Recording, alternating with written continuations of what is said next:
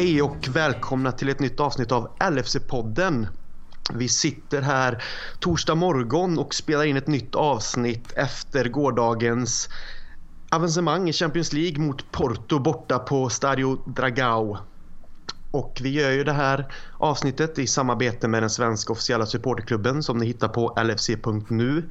Där har ni alla nyheter, ni har inför rapporteringar, matchanalyser, krönikor, ja allt som egentligen handlar om Liverpool Football Club. Och är ni inte medlemmar så blir det, det kostar ynka 239 kronor per säsong och då får ni ta del av allt det roliga och så växer den röda Liverpool-familjen i Sverige, något som vi alla tillsammans såklart strävar efter. Ja, idag är det ju dagen efter som sagt och jag sitter här med Kalle Sundqvist. Hur är känslan hos dig Kalle idag efter avancemang i Champions League och vetskapen att Barcelona väntar i en semifinal i Champions League? Eh, ja, det är bra givetvis. Jag försökte faktiskt eh, smälta det lite grann igår. Jag var ute och tog någon, eh, tog någon bärs med en polare och kikade matchen och vi diskuterade där på vägen hem att man har blivit lite bortskämd att man nästan har tagit eh, det här Champions League, eller Champions League avancemanget för givet och det är ju någonting som man absolut inte ska göra med tanke på den historien vi har de senaste åren att vi inte har fått, eh, fått uppleva speciellt mycket av den här varan. Så att eh, är det en fantastisk känsla, absolut. Och sen att få gå upp mot eh, Barcelona, en av de absolut största liksom i, i modern tid. Så att det nej, det ska bli jäkligt spännande att se vart det här tar vägen.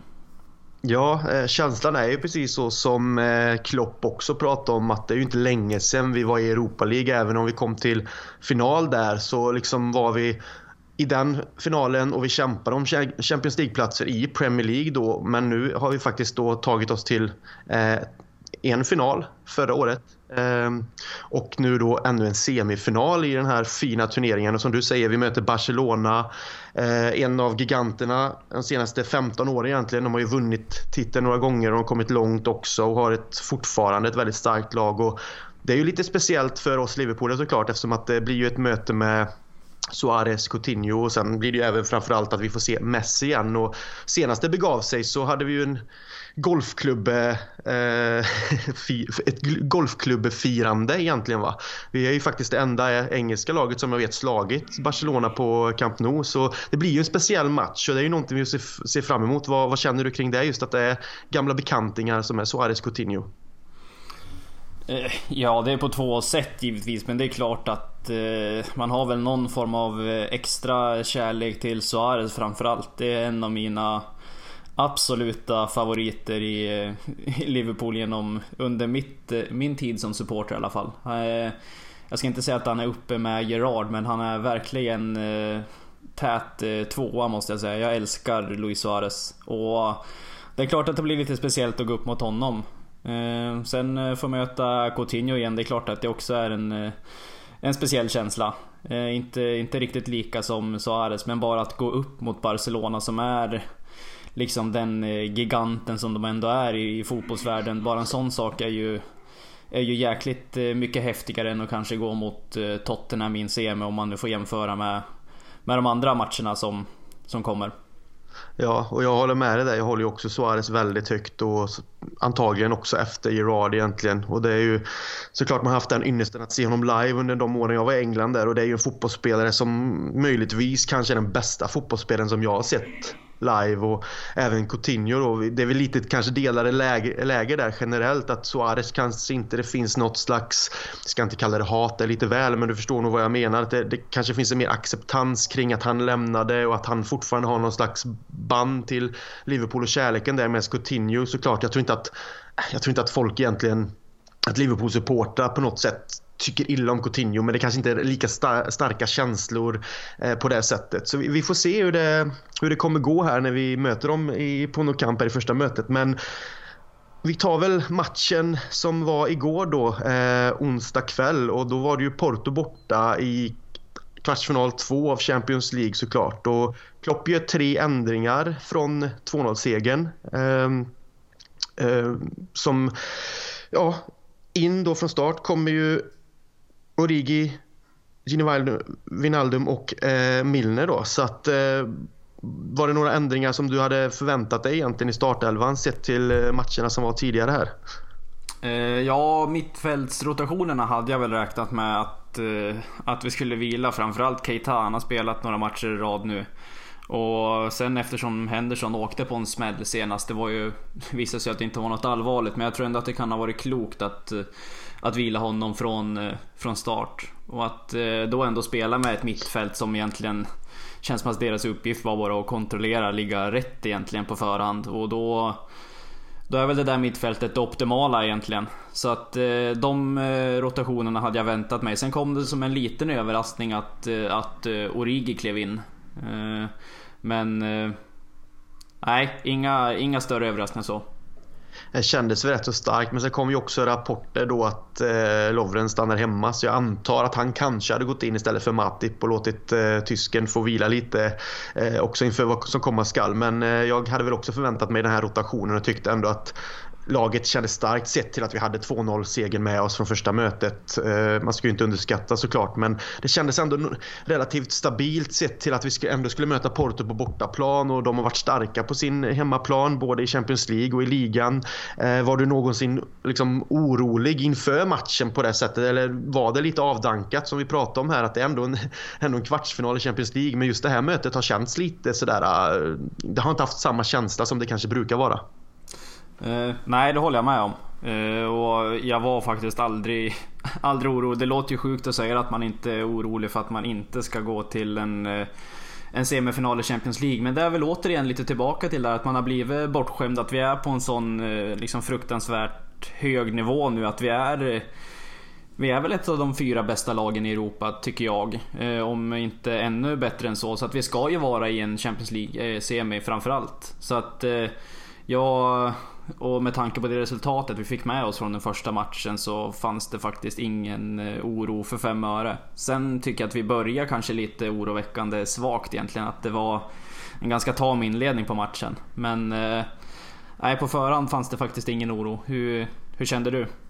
Det var egentligen samma här. men liksom någonstans tidigare i Champions League, även förra året och de upplagorna som har varit när vi har gått långt. I, ja, det är ju flera år sedan nu, men på den tiden också. Eh, jag har ju eh, gått ut med tidigare att jag är ju en nervös person av mig när det kommer till Liverpool. Det brukar vara i alla fall inför. Sen matcherna är lite olika beroende på. Men Igår kände jag knappt någonting. Jag ska inte säga att man är säker men det var inte den här uppladdningen och nervositeten som brukar kunna vara kring Champions League-matcher utan det var mer en sån här känsla av att vi ska åka dit och få jobbet gjort utan att kanske ta ut oss för mycket och vi har den bekväma 2-0-ledningen så att nej, det kändes aldrig riktigt som den här Champions League-drabbningen som, som brukar byggas upp när det vankas de här matcherna. Eh, Precis som du säger så Porto inledde ju starkt och Liverpool kändes inte riktigt med i matchen.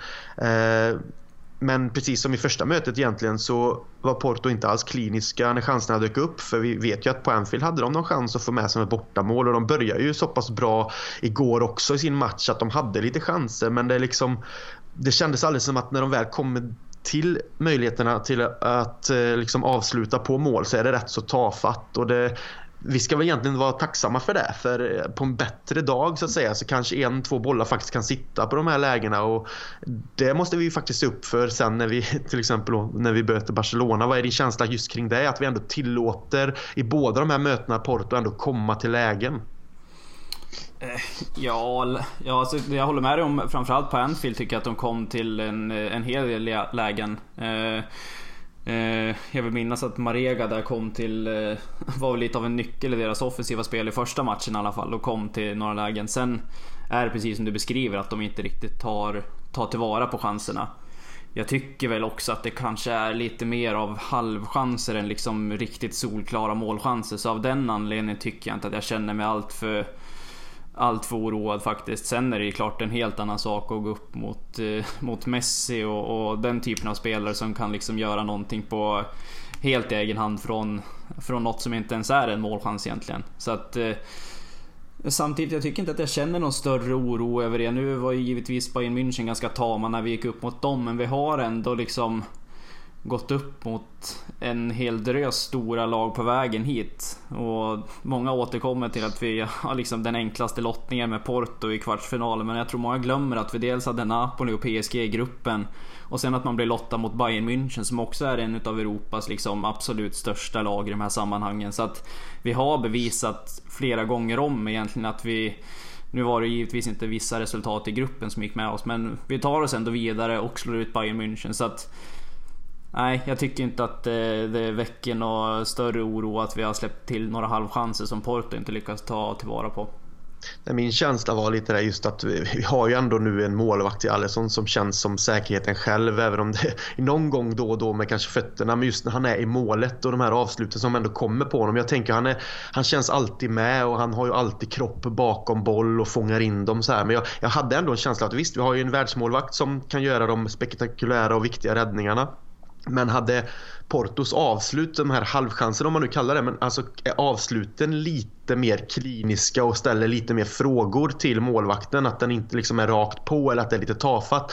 Det var det mest jag var rädd för. För jag kände ändå att Alisson fick plocka en del bollar i famnen som man säger igår. Och det var liksom inga farliga avslut. Men det är det jag menar att kommer bättre avslut av bättre spelare eller kanske just att som mot Barcelona då, det, det, var lite det jag var rädd för att få, få Porto in en boll tidigt så kan det ändå bli en match av det. Men samtidigt så kanske ja, känslan blev att det var lite avtrubbat och det inte riktigt blev som de hade tänkt sig. Och sen klarade vi ju av de första 20-25 minuterna när de hade en, armstorm, en anstormning där. Och ja, då skapade ju vi ett anfall från egentligen ingenting alls. Och sen var det ju Mané som tryckte in den bollen och det var ju någonting som vi alla trodde kanske att det var offside först och fortfarande 0-0 men det visade sig skulle bli något annat. Var, hur såg du den situationen? Var du liksom säker på att det var mål eller kände du att eh, det är skönt att eh, det finns VAR i de här sammanhangen nu?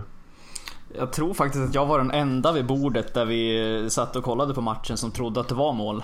Eh, det var många som hävdade att det finns... Eh, Mané kan inte vara så snabb så att han ligger onside på den passningen och sen slår in den. Men jag hade bara någon, någon konstig känsla, jag vet inte alls vad jag grundar på egentligen, med att det skulle vara mål. Men det visade sig att det var det. Och det var ju med i ganska liten marginal i ärlighetens namn. Men det är, det är det jag gillar ändå med VAR och att rätt beslut ska tas i matcher. Jag tycker det är det viktigaste egentligen för att eh, man ser allt för ofta att liksom domslut får allt för stor inverkan på vad på matchens resultat och allt vad det betyder att man åker ur. Och det är liksom eh, bara sportsligt är det ju jävligt tungt att åka ut på ett felbeslut men ekonomiskt så får det också stora konsekvenser. Så att jag tycker att det är helt rätt eh, att VAR fungerar. Och nu tycker jag faktiskt att det fungerar på ett bättre sätt än vad det har gjort tidigare. Så att eh, Nej, vi får väl eh, tacka, tacka dem att vi hade dem på våran sida den här gången.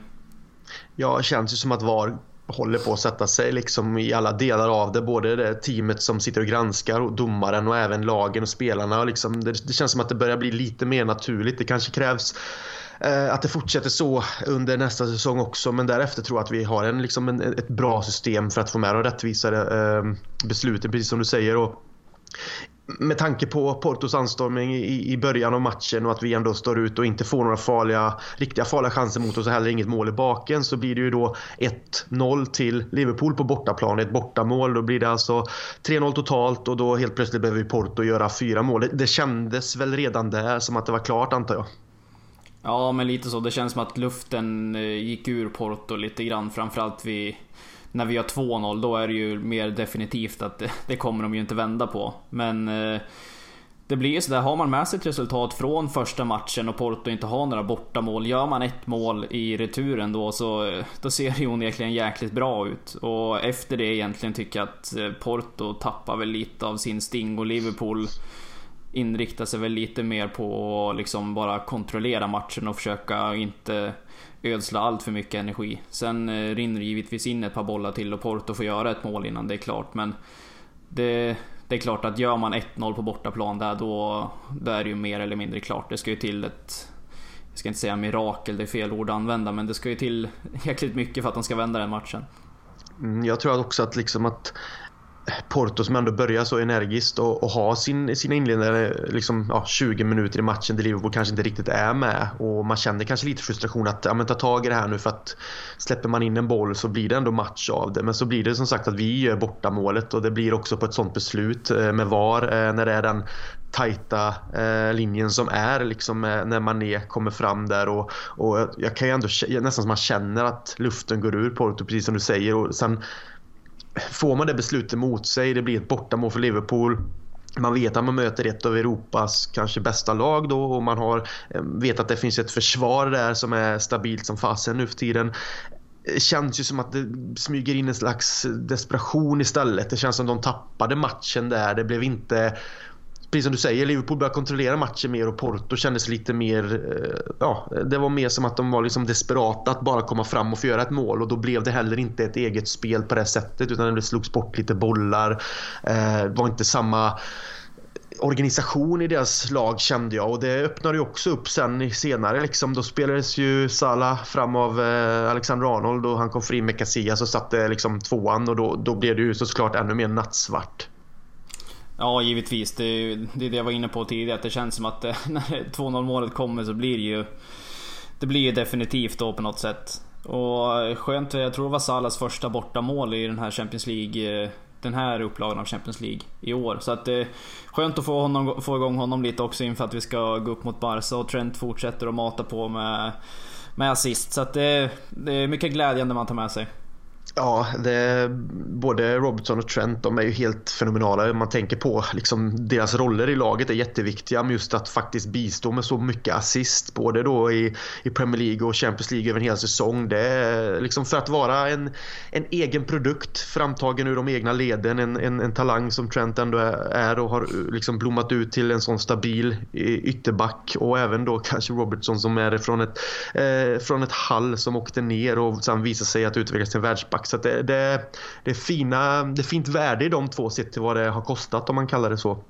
Eh, på tal om Trent där så byttes ju han ut mot, eh, ja vad ska man säga, det är Joe Gomez som kommer tillbaka och det är väl ett glädjande besked för oss alla att han får äntra planen igen och, och visa att han är tillbaks i, i, i, full go för att kunna spela de här matcherna. Och jag tyckte det var jäkligt kul att se honom komma tillbaka och Trent får vila också lite vilket är viktigt inför slutspurten i Premier League. Så vad säger du om det? Jag Gomes tillbaka. Hur tyckte han skötte sig den stunden han var på planen?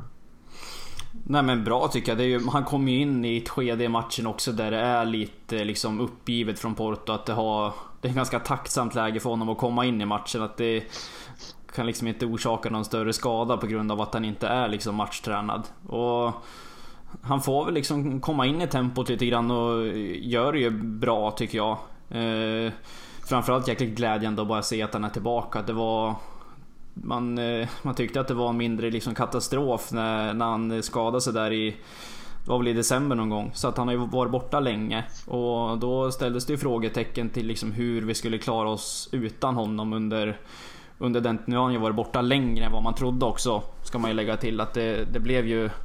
Han tvingades ju till en operation som från början kanske inte var riktigt tänkt att han skulle behöva genomgå. Så att, att ha honom tillbaka och i kombination med att vi liksom har klarat oss så jäkla bra utan honom som man kanske inte trodde att vi skulle göra är ju jäkligt glädjande tycker jag. Ja, det var mot Burnley borta som han skadade sig va? Jag, ja, jag, var, jag var ju faktiskt där och kollade på, på matchen i Burnley och det kändes Ja, det kändes tråkigt som sagt när han gick ut och man kände, man led ju med honom eftersom att han redan haft skadebekymmer tidigare. Han är så pass ung. Jag menar han värvades ju ändå in som den här unga stortalangen som 17-åring från Charlton och alla såg honom som en slags ny Rio Ferdinand och allt det här i de engelska leden då när de jämförde och man, man såg ändå potentialen. Det har vi pratat om mycket här också. Vi har ju höjt honom hela tiden och trott på honom vilket eh, är kul såklart men det är just det här när skadorna börjar. Man blir ju lite rädd. Ska den här eh, stortalangen bli liksom ja, waste of talent om man ska kalla det så just för att skadorna sätter stopp och det blir ingenting mer. Men vi får hoppas att han har lagt det bakom sig nu och sen kan då få en riktig, en bra avslutning på den här säsongen men få en riktig försäsong i benen och sen vara redo till nästa säsong. För det, det, vi hyser väl inga tvivel i alla fall om att han är den som ska spela jämte van Dijk. Även om både Matip och Lovren gör det bra så, så som Gomes spelade i inledningen av säsongen kändes det oerhört stabilt att ha de två som mittlås, eller hur? Ja det tycker jag absolut. Av de backarna vi har just nu så är det ju absolut han som ska vara liksom det långsiktiga alternativet med van Dijk. Sen får man ju liksom utvärdera om planen är att vi ska värva in någon mittback i sommar. Det har ju varit lite prat om att eh, det eventuellt ska göras det. Eh, men eh, ser man, eh, ser man liksom eh, den inneboende liksom talangen som finns i Gomes så att han verkligen till slut, nu måste man ju säga, har fått bli en etablerad mittback. Det har man ju väntat på ganska länge egentligen. Och det man såg av honom och van Dijk under hösten var ju helt fenomenalt tyckte jag. Så att eh, jag tycker absolut att, eh, att han är den vi ska satsa på. Sen måste man ju också givetvis väga in alltså hans skadehistorik. Att det finns en risk att han kommer troligtvis inte spela en hel säsong. Det kommer alltid uppstå några liksom, eh, mindre skador. Det, det får man ju bara acceptera i så fall. Men eh, nej, jag, jag gillar honom skarpt faktiskt. Det tror jag. De flesta där ute i stugorna gör också. Han är ju liksom som sagt... Speciellt Jocke Lundberg. Men det är, kommer, från, eh, kommer från Charlton som ung och blir ju nästan lite av en egen spelare egentligen sett till hur han utvecklas i Liverpool. Så att nej, vi hoppas att eh, hans skadebekymmer är, är borta och att det blir en, eh, en, eh, liksom en succésäsong för han istället nästa säsong. Eh, Porto då. Eh, som sagt, 0-2. Det är liksom två bortamål men på en hörna i 68 80 minuten tror jag så gör de 2-1 och det är ju Militao som är klar för Real Madrid. Han hade, var väl lite på tapeten när det diskuterades mittbackar i, till Liverpool men han är ju redan klar för Real Madrid. Men eh, vad tycker du om honom då? Sett, nu har han ju ett nickmål men eh, Många pratar om hans storhet för han har ju, bara, han har inte ens varit i, varit i Porto i, i en säsong innan han värvades av Real Madrid. Så lite kort om honom. Vad, vad anser du om honom då när man tänkte att det ändå drogs lite paralleller att det var en mittback för Liverpool? Ja, i ärlighetens namn ska jag inte sitta här och dra liksom någon större utvärdering hur bra han är som fotbollsspelare. Det enda man har sett är i de här två matcherna nu egentligen där man har liksom lagt märke till honom efter att det blev klart att han skulle till Real Madrid. Och det man ser väl varför de är intresserade av honom egentligen. Sen eh, i den, den världen vi lever nu så kostar ju de lovande mittbackarna liksom så mycket som, eh, som man får betala för dem. Så att det, det är klart att han är en jäkligt lovande back och sen att han hänger en kasse igår mot Liverpool tycker jag inte drar något större liksom värde till det. Så att eh, jag, jag tänker faktiskt inte sitta här och dra, dra några utvärderingar av hur bra han är faktiskt. Jag vet inte, du kanske har bättre koll på honom? Jag har inte stor koll så, men jag vet jag läste mycket om att han är en sån här up and coming och det var många, mycket snack om till olika klubbar och så vidare. Men jag, som du säger, jag tycker det är ändå lite intressant att en spelare då, en, en brasilianare såklart, är så pass duktig, kommer till Porto, gör inte en säsong där och sen köps han upp för en stor summa av Real Madrid. Det, det går så snabbt idag, så du, man, även om man ser att han har en stor talang och han är en väldigt duktig spelare så är det ändå svårt att säga om att det kommer bli succé i Real Madrid eh, direkt liksom. Men visst, han har, han har många kvaliteter som säkert eh, Eh, kommer kunna utvecklas där. Men jag, liksom, jag tänker ändå när det, när det liksom snackas om sådana mittbackar till Liverpool. Det är klart att man blir ju ändå intresserad av att kanske ta reda på mer eh, vilka de är och så vidare. Men vi släpper det och går vidare och så pratar vi om att Henderson kom in för Robertson så Robertson får också vila lite och Henderson är ju en ny spelare har vi ju faktiskt konstaterat. De senaste matcherna nu har ju han varit nästan man of the match i varje match. I alla fall en av de bästa på planen för Liverpool och också i den här kaptensrollen där han får driva på då i den här rollen så när han får trycka fram lite mer offensivt och han slår ju ett oerhört fint inlägg till Firmino också som har, som har bytts in då mot Origi måste vi nämna här och han kan nicka in bollen i mål där. Så vad säger du om Hendersons insats? Eh, vi vet ju vad han har gjort de senaste matcherna men just att han kommer in och bidrar direkt det är jäkligt viktigt anser jag. Ja, det håller jag med om. Det är väl den, eh, den nya Jordan Henderson. Han eh, han kommer nog vara i målprotokollet lite mer nu än vad han har varit den senaste tiden. Och där han spelar just nu på planen så gör han det ju som eh, allra bäst. Det tror jag inte att det är någon som liksom riktar någon form av tvivel åt att han ska spela på den positionen. Och att Klopp lite skämtsamt liksom kommer till insikt med att han har spelat honom på fel position i två år. Jag tycker ändå att de det sköts på ett snyggt sätt och jag tror inte Henderson haft något större problem att han har spelat som den lite sittande. Eh, och han kommer fortfarande vara ett komplement till Fabinho på den positionen också i framtiden tror jag. Så att det är en eh, jäkligt eh, mångsidig spelare som får ganska mycket oförtjänt kritik tycker jag då. Jag är väl lite färgad i det här i och med att Henderson är en av mina absoluta favoriter av, av många anledningar. Men eh, han lider väl kanske lite av att han har en eh, liksom snabbare hjärna än vad han har fötter. Och att det ofta, tanken är god men att det kanske inte alltid blir så bra. Men eh, den liksom på nyttfödda Henderson man har sett nu sen att han fick en liten offensivare roll. Det är ju helt fantastiskt tycker jag. Att dels att han har fått eh, kritik också för alltså att han är lagkapten i Liverpool. Det, jag vet inte, jag tycker också att man ska ställa sig lite frågande till det. Jag upplever att han får kritik för att han inte är Steven Gerrard. Men då å andra sidan måste man inse att det kommer aldrig finnas en ny Steven Gerrard. Så att det är bara att komma, till, liksom komma fram till den slutsatsen att, att det är inte så.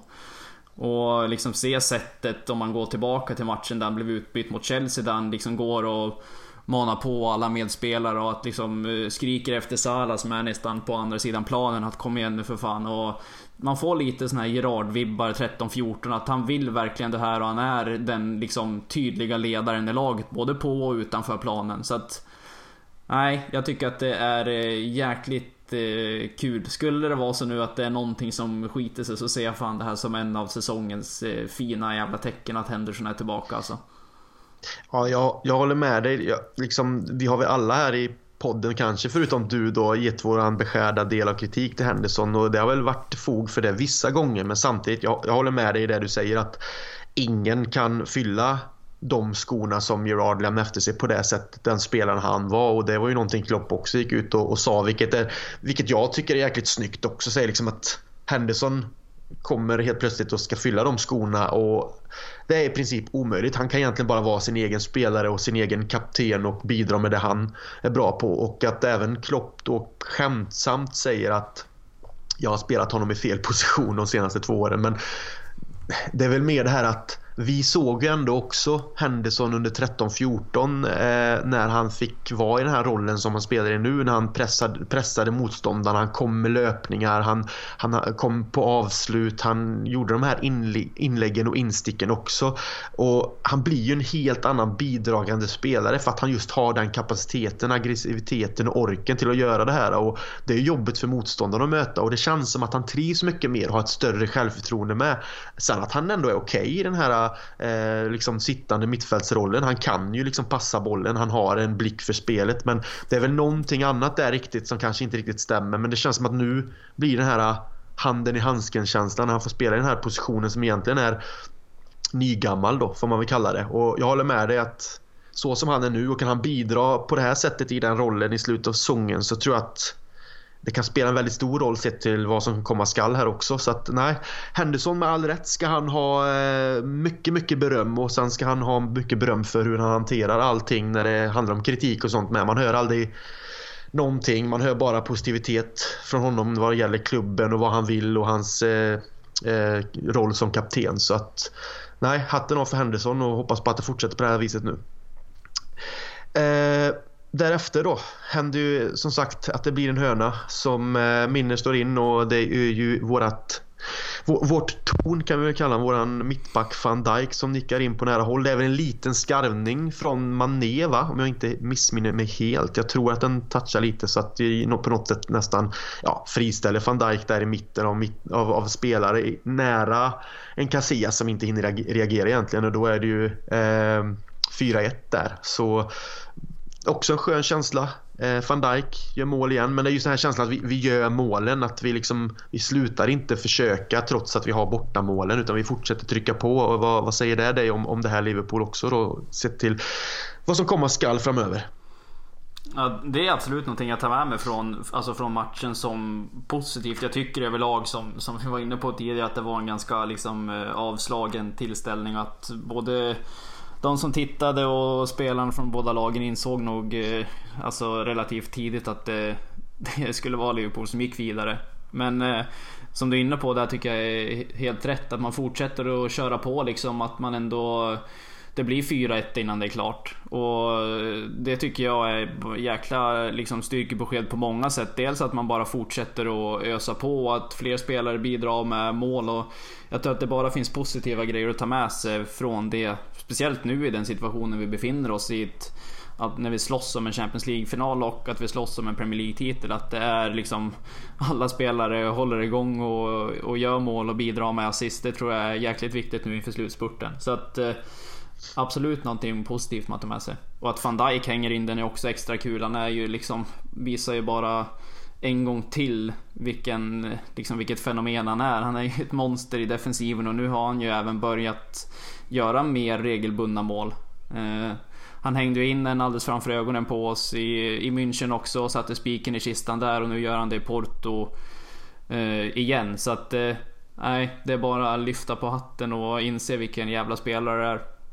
Ja, han är, helt, han är ju helt fenomenal och jag tänkte precis, jag återkopplar till det du sa det här med att vi liksom som, som du tar med dig från matchen just eh, som, jag, som jag var inne på det här, att vi pushar på och gör fler mål. Vi, vi nöjer oss inte bara för att vi har ett, två bortamål utan vi, vi vill mer. Vi vill liksom visa eh, våra egenskaper. Vi vill göra mer mål. Vi vill liksom visa egentligen fortsätta visa världen att vi är Liverpool på en helt annan nivå än vad vi kanske varit tidigare. Och jag tycker det är fruktansvärt skönt att vi har liksom en, en Sala som eh, Eh, Eh, förlåt, en Mané som, som gör det första målet, förlösande bortamålet och sen en Sala som gör mål igen. Du säger liksom hans första bortamål i Champions League. Eh, vi har en Firmino som eh, får nicka in en boll, han kommer också in för Origi och sen har vi då en Henderson som assisterar. Det är så många som både liksom kommer in och bidrar men samtidigt så Eh, vi ser dem som liksom någonstans hittar formen nu i, slu i slutfasen av säsongen. Men jag, jag gillar också att se det här liksom hur vi ser en Fabinho som växer in i sittande rollen. För jag tycker mot Chelsea var han ett monster och bröt mycket av deras uppspel. Och det tyckte jag vi såg mot Porto igår också. Kanske inte var lika, eh, li, en, en, en, samma anstormning på den delen av planen. Men jag tycker ändå att när det kommer till att de försöker etablera ett spel på mitten och hitta ett spel offensivt så är han där. Han bara är där och han står i vägen och han bryter. Och så har du en Wijnaldum då som jobbar så oerhört i det tysta och gör sitt jobb också och har ett liksom, kombinationsspel med, med Fabinho på mitten. Jag tycker att det finns väl egentligen ingenting som talar om att Fabinho utan att det skulle vara en skada eller en oerhörd formsvacka ska tas ifrån den rollen. vad säger du? Nej, absolut inte. Det finns eh, ingen anledning alls till att han ska liksom förpassas till, till bänken. Eh, det är... jag, tänker, jag tänker just på det här, vi pratar liksom Hendersons nya position, vem som ska spela så, men det känns som att Fabinho har vi verkligen hittat liksom att han, han visar nu att han är den här väggen framför backlinjen liksom. Så att jag menar, ja, men han det är, är skönt. Och det är ju, alltså man måste ju ändå komma ihåg att det är ju tack vare att han har den positionen som, alltså, som kan låta Henderson blomma ut på, den, på sin position nu också.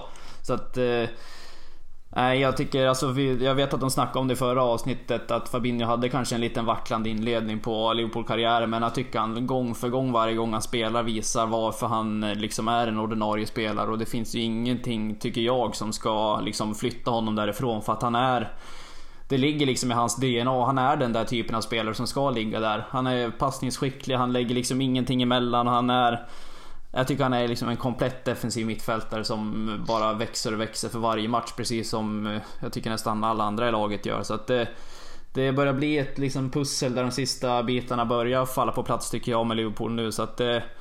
Nej, helt fantastiskt. Och ändå så har vi en säsong där vi bara förlorat en match i ligan och är i semifinal i, i Champions League. Och vi, vi ändå anser att pusselbitarna kanske som vi vill se det framöver börjar falla på plats. Men vi ser ju också vilken jäkla styrka det här laget har. Och det är som du säger om Fabinho med att han är ju den här defensiva mittfältaren som man har velat se kanske etablera sig och hitta formen där men som han är nu med både bra passningsfot, blick för spelet, han bryter upp spel, han är stark också, bra på huvudet. Det, det är en sån spelare vi har saknat sedan ja, Mascherano i alla fall, även om Mascherano var lite kort i, i rocken på det sättet så var han ju den här defensiva mittfältet som kunde bryta upp spelen och vi har saknat det. Vi liksom, det är så jäkla skönt att liksom se en spelare som bara är i vägen när motståndarlaget försöker bygga ett uppspel. Liksom, de hinner inte ens ja, få ut bollen om man säger så utan innan de måste vända tillbaka och då har vi ju fronttrion där uppe som redan har fått en, en boll från Fabinho eller någon annan liksom som redan är på språng framåt igen då och det, det är ju det som är så skönt att se att det vänder så snabbt när han bryter de här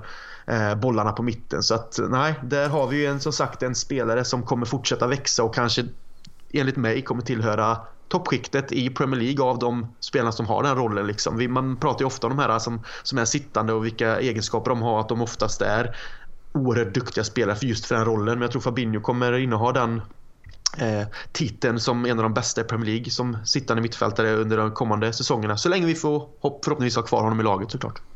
Ja, men det är bara att se tycker jag på att om man kollar på de lagen som, om vi bara koncentrerar oss på Premier League nu, om man ser de lagen som har vunnit ligan de senaste åren egentligen och tittar på Liverpool, vad som har saknats, så är det ju den här defensiva mittfältaren. Det ser, Chelsea har ju haft Kanté som eh, liksom både i i Leicester och under sin eh, tid i Chelsea innan Sarri kom in var liksom en helt eh, outstanding defensiv mittfältare trots liksom hans eh, storlek. Och titta på City med Fernandinho och även innan det när, när Yahya Touré emellanåt hade den rollen. Att det är en kugge i ett lag som är så jäkla viktig och att vi har missat liksom att ha den. Du är inne på det, sen Mascherano egentligen har vi inte haft någon vettig defensiv mittfältare. Vi hade, vi hade en uppstickare i Lukas ett tag innan han skadade ja, där. Men tyvärr så blev det ju inte så mycket mer. Tyvärr, nej, innan, han, innan han gick sönder där mot Chelsea var det väl i, kan det vara FA-cup eller något sånt där. Så då var han en av dem också som ändå höll höll måttet på en eh, topp mittfältare i, i Premier League. Men jag tycker ändå inte att det går att jämföra den... Alltså klart man har alltid en eh, jävla kärlek till Lukas men Fabinho är ju på en annan nivå. Det måste man ju bara liksom Absolut. acceptera och säga. Så att jag håller helt med dig där att vi har... Att man har en defensiv mittfältare som är så viktig för alla lag egentligen och speciellt nu i Liverpool. Den kugge som vi har saknat under en längre tid. Så att helt fantastiskt att, eh, att man äntligen har kommit till insikt med att man måste ha en bra defensiv mittfältare. Absolut. Vi går vidare då. Det blir ju liksom en... Ja, över två matcher blir det ju 6-1 totalt, vilket är, tyder på ett tämligen enkelt avancemang och en, ett styrkebesked från Liverpool i Champions League såklart. Det blir 4-1, eller 1-4 hur man nu ser på det då, till Liverpool i, igår mot Porto. Och då vill vi passa på här och nämna, vi har ju vår resultattävling på vårt Twitterkonto där som ni kan följa om ni inte redan gör det. Och då hade vi eh, en följare som tippade Peter Johansson. Han hade faktiskt 1-4 van Dijk i 89 minuten. Och 1-4 van Dijk, ja det var väl i 84 minuten va? Ja, jag tror det då är det jäkligt bra tippat. Så vi säger stort grattis till Peter och det är snyggt att sätta 1-4 van Dijk som sagt i den minuten som han ändå gjorde sett till det är Champions League. Man kanske inte tänker att det ska rinna iväg sådär i de, med de siffrorna. Men eh, det trodde han och då får han en, en snygg Liverpool-keps som kommer skickas till honom. Så eh, grattis där Peter. Snyggt tippat. Eh, vi går vidare. Ska vi se. Vi har ju en som sagt, jag tänker att vi ändå går in på det. Vi, vi är ju färdiga för semifinalen nu mot eh, Barcelona och det har vi pratat om vad, det, vad den känslan innebär och vad det kommer att, eh, liksom, vad det faktiskt är för match. Men i den andra semifinalen vill jag ändå ta in den här diskussionen här så blev ju det en rysare. Eh, ända in på eh, målsnöret om man kallar det så. Eh, det var ju direkt efter slutsignalen då så blev ju det att den här eh, matchen mellan Manchester City och Tottenham på Etihad som skrev in sig i historieböckerna för hur den faktiskt artade sig i början och hur den slutade. Och det, vi kan väl inte kanske liksom inte nämna den här matchen och, och, vad det kan betyda framöver också men hur det faktiskt blev och vad säger du Kalle, det var väl fyra mål på, vad fasen var det? Jag vet inte hur många minuter, det var 12 minuter på Fyra mål på 12 minuter om inte helt fel. Jag kollar ju inte på matchen men man, man såg de här plingen och ibland är det lite efter och så men det var ju snabba mål. Ursäkta. Um, och sen i slutet så trodde ju City att de lyckades ändå Um, att komma vidare men då kommer ju VAR in i leken och dömer bort ett mål för offside så Följde du matchen någonting vid sidan av? Jag vet att du sa att du var ute och tittade på matchen så jag tänker att du kanske inte hade eh, blickar på den på det sättet. Men eh, har du sett någon highlights och sånt? Vad, vad är din känsla just kring det mötet och hur den matchen faktiskt eh, ja, utvecklade sig och hur den slutade? Nej, jag såg ingenting av matchen. Däremot så hade de lyckats tränga in någon TV ner i något hörn där, där jag var. Där det satt en ensam eh, Tottenham-supporter. Eh, många fler än så, jag vet inte, kanske inte finns det. Men han satt där och och jublade mitt uppe alltihopa och som du sa så plingar det ju hela tiden på TVn så att eh, Det är synd ska man väl säga att Liverpool spelade samtidigt för att det är nog en match man skulle vilja ha liksom sett Sett på TV. Så att eh, det är klart att det är eh, jäkligt coolt när det liksom svänger fram och tillbaka så här. Det blir på något sätt jävligt eh, charmigt måste jag ändå säga när det blir sånt tumult där i slutet och bara VAR går in och tar bort det där målet. Eh, sen att det liksom sätter det... någon form av kniv i hjärtat på någon City-supporter liksom så tycker jag också det kanske gör det ännu roligare. Men det finns någon charm i det där tycker jag ändå att det blir sånt jäkla liksom vänt flytande på något sätt att först får man fira och sen så tas det bort. Det Nej, det är, jag tycker det är lite coolt egentligen. Sen hade det varit Liverpool som hade spelat så hade jag absolut inte tyckt att det fanns någonting som var coolt med det.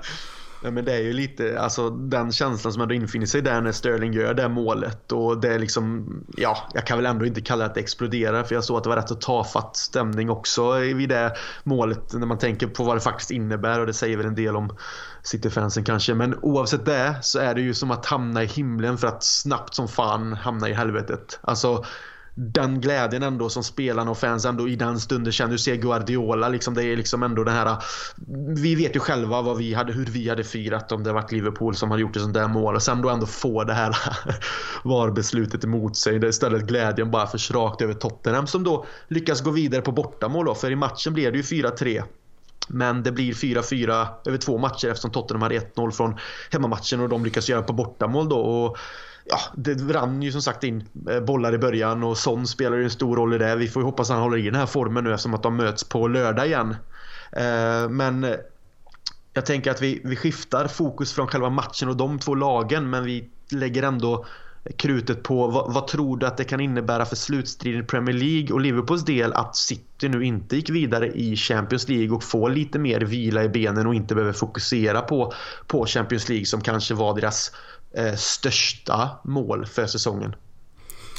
Ja du Christian, det där har man suttit och funderat på både liksom alldeles för många gånger så man har ju blivit dum i huvudet nu av alla liksom scenarion man har spelat upp. Att Ja, är det bättre om de går vidare och får spela fler matcher eller är det bättre om de åker ut och blir lite knäckta av det? Så att jag bara kommer fram till att jag vet inte.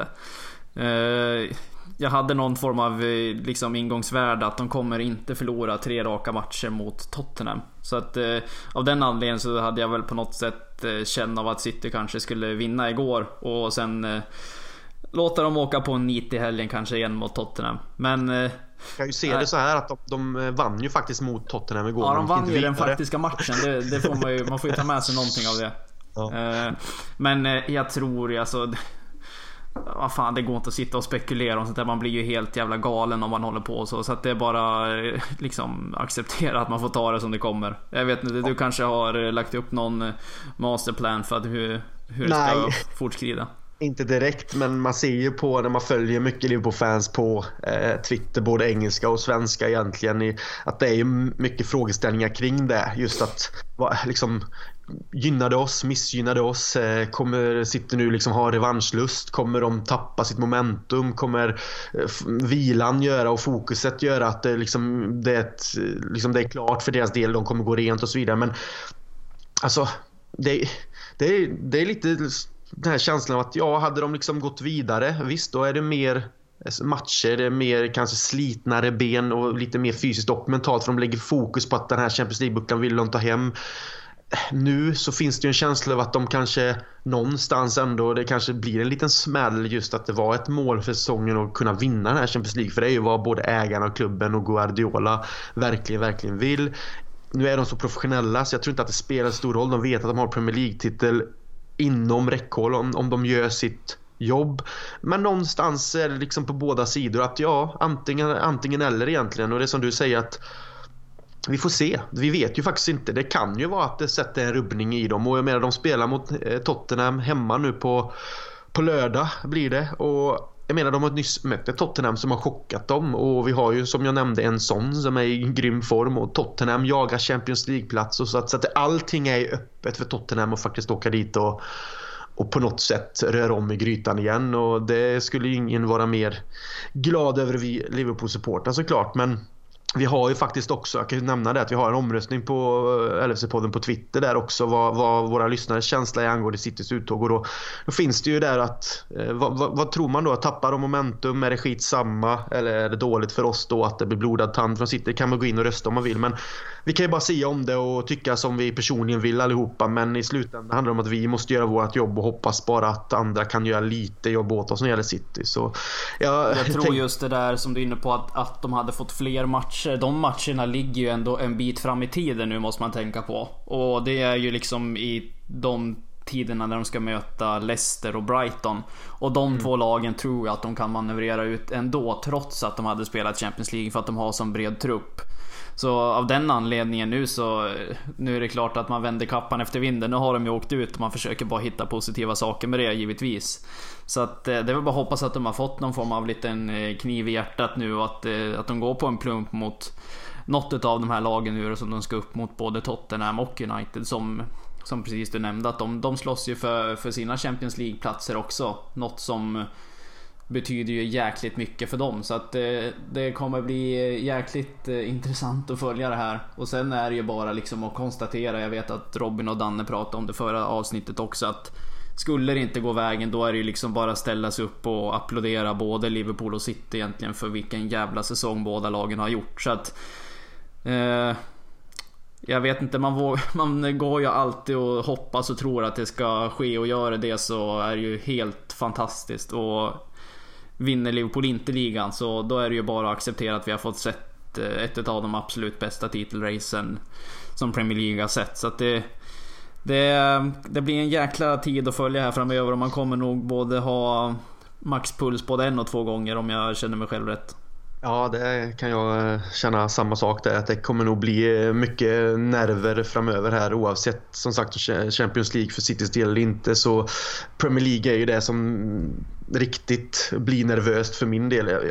Alltså det är klart att jag vill vinna Champions League men det är den här Premier League-bucklan som vi alla har väntat på så länge. Det, det, det, betyder någonting annat och sen när det blir det här racet som du säger mot, mot City och det är på det här sättet. Det, det är sjukt jobbigt men samtidigt så sjukt fantastiskt och roligt. Och det är som du säger, man, man får ha respekt för att liksom ändå hylla City i det fallet. Om det nu skulle vara så att de går rent och vi gör vårat också så menar det jag vet inte riktigt vad mer man ska göra. De har ju satt en helt annan nivå på den här ligan sett till vilket lag de är. Men personligen, det jag kan tycka om om man ska hitta något positivt att de åkte ur är ju att det miljardärsbygget som de ändå är och det man kanske inte tycker, även om fotbollen har utvecklats mot det så kanske man ändå kan se det positiva i att de inte lyckas med vad de bygger laget för om man ska eh, dra det åt det hållet. För jag menar, det är klart att de vill vinna allt de ställer upp i. De har kraften och spelarna och, och tränaren till att göra det.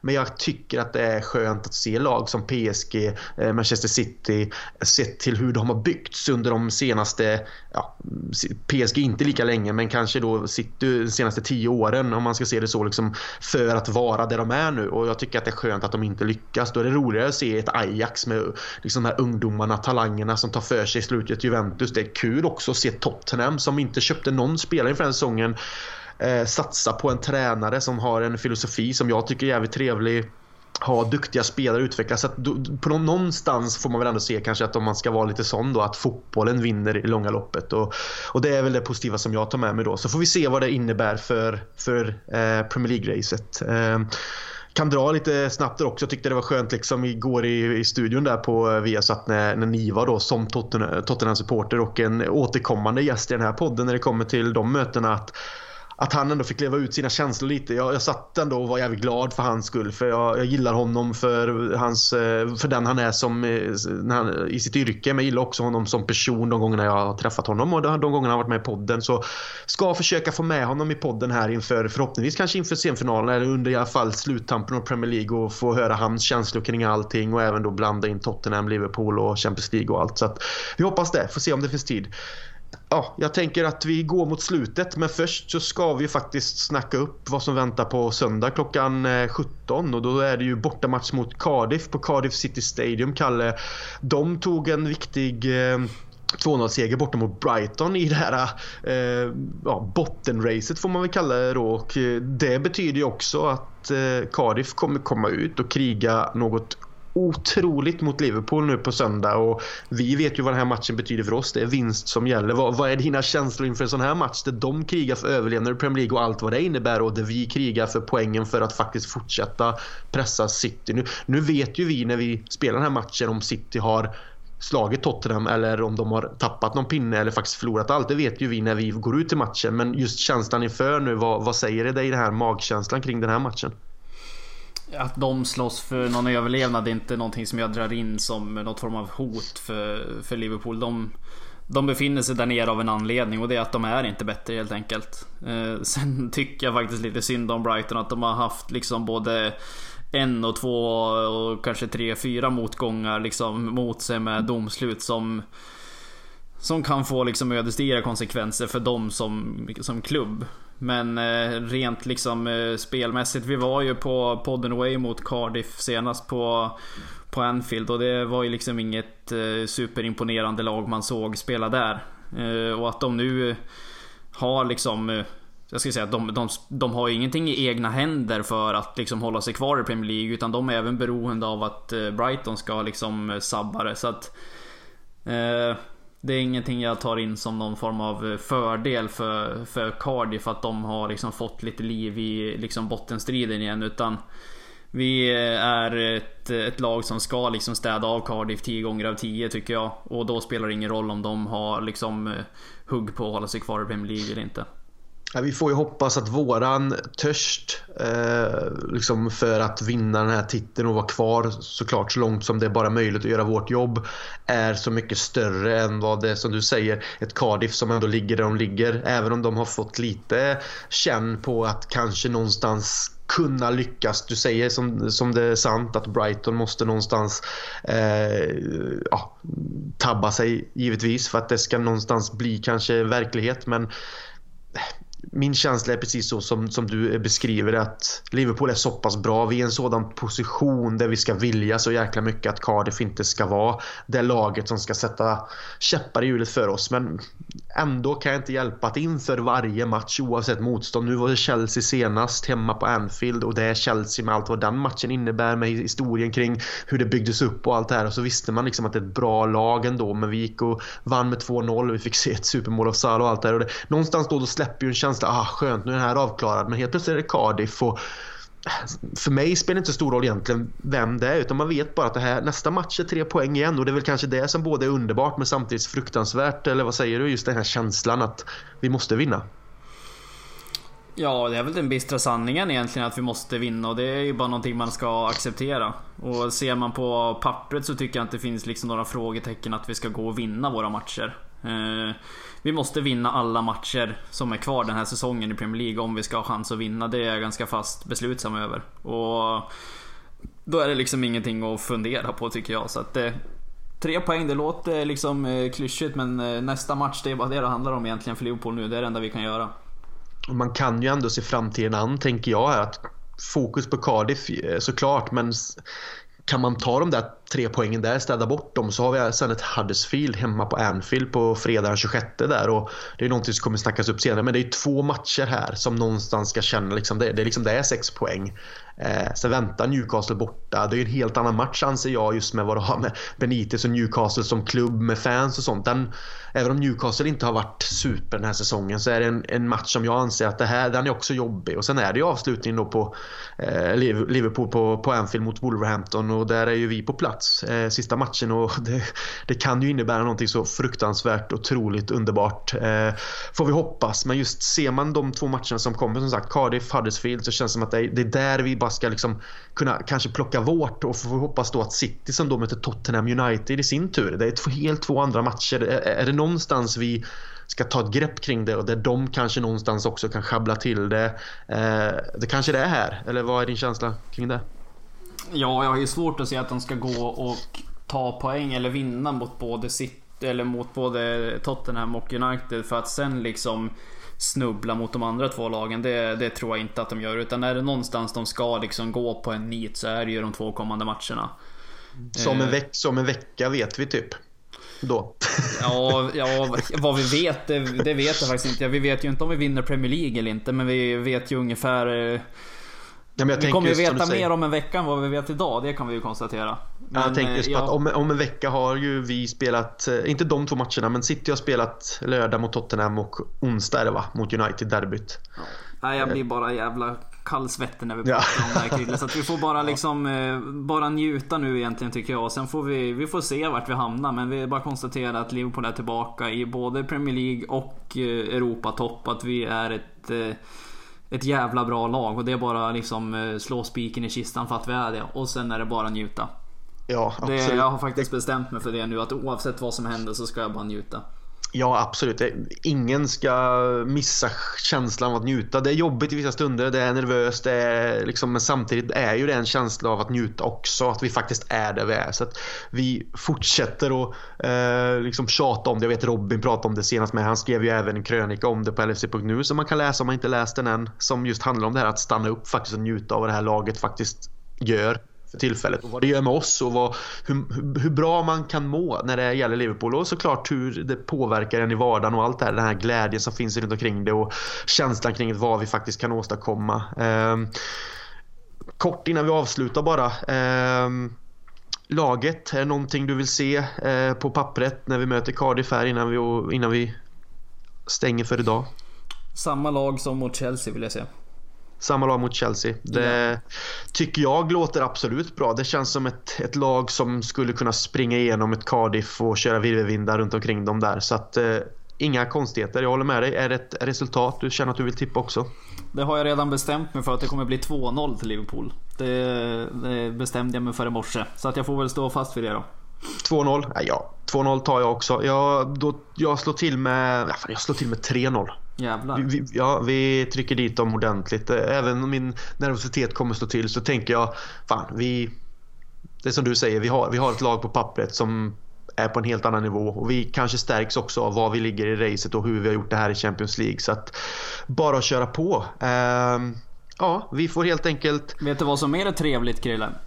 Nej, det vet vi, jag faktiskt inte. Vi eh, sitter ju här torsdag morgon är det nu och precis just nu trillar in ett, eh, ett trevligt mail från supporterklubben där de presenterar den nya matchtröjan för nästa säsong. Och oh.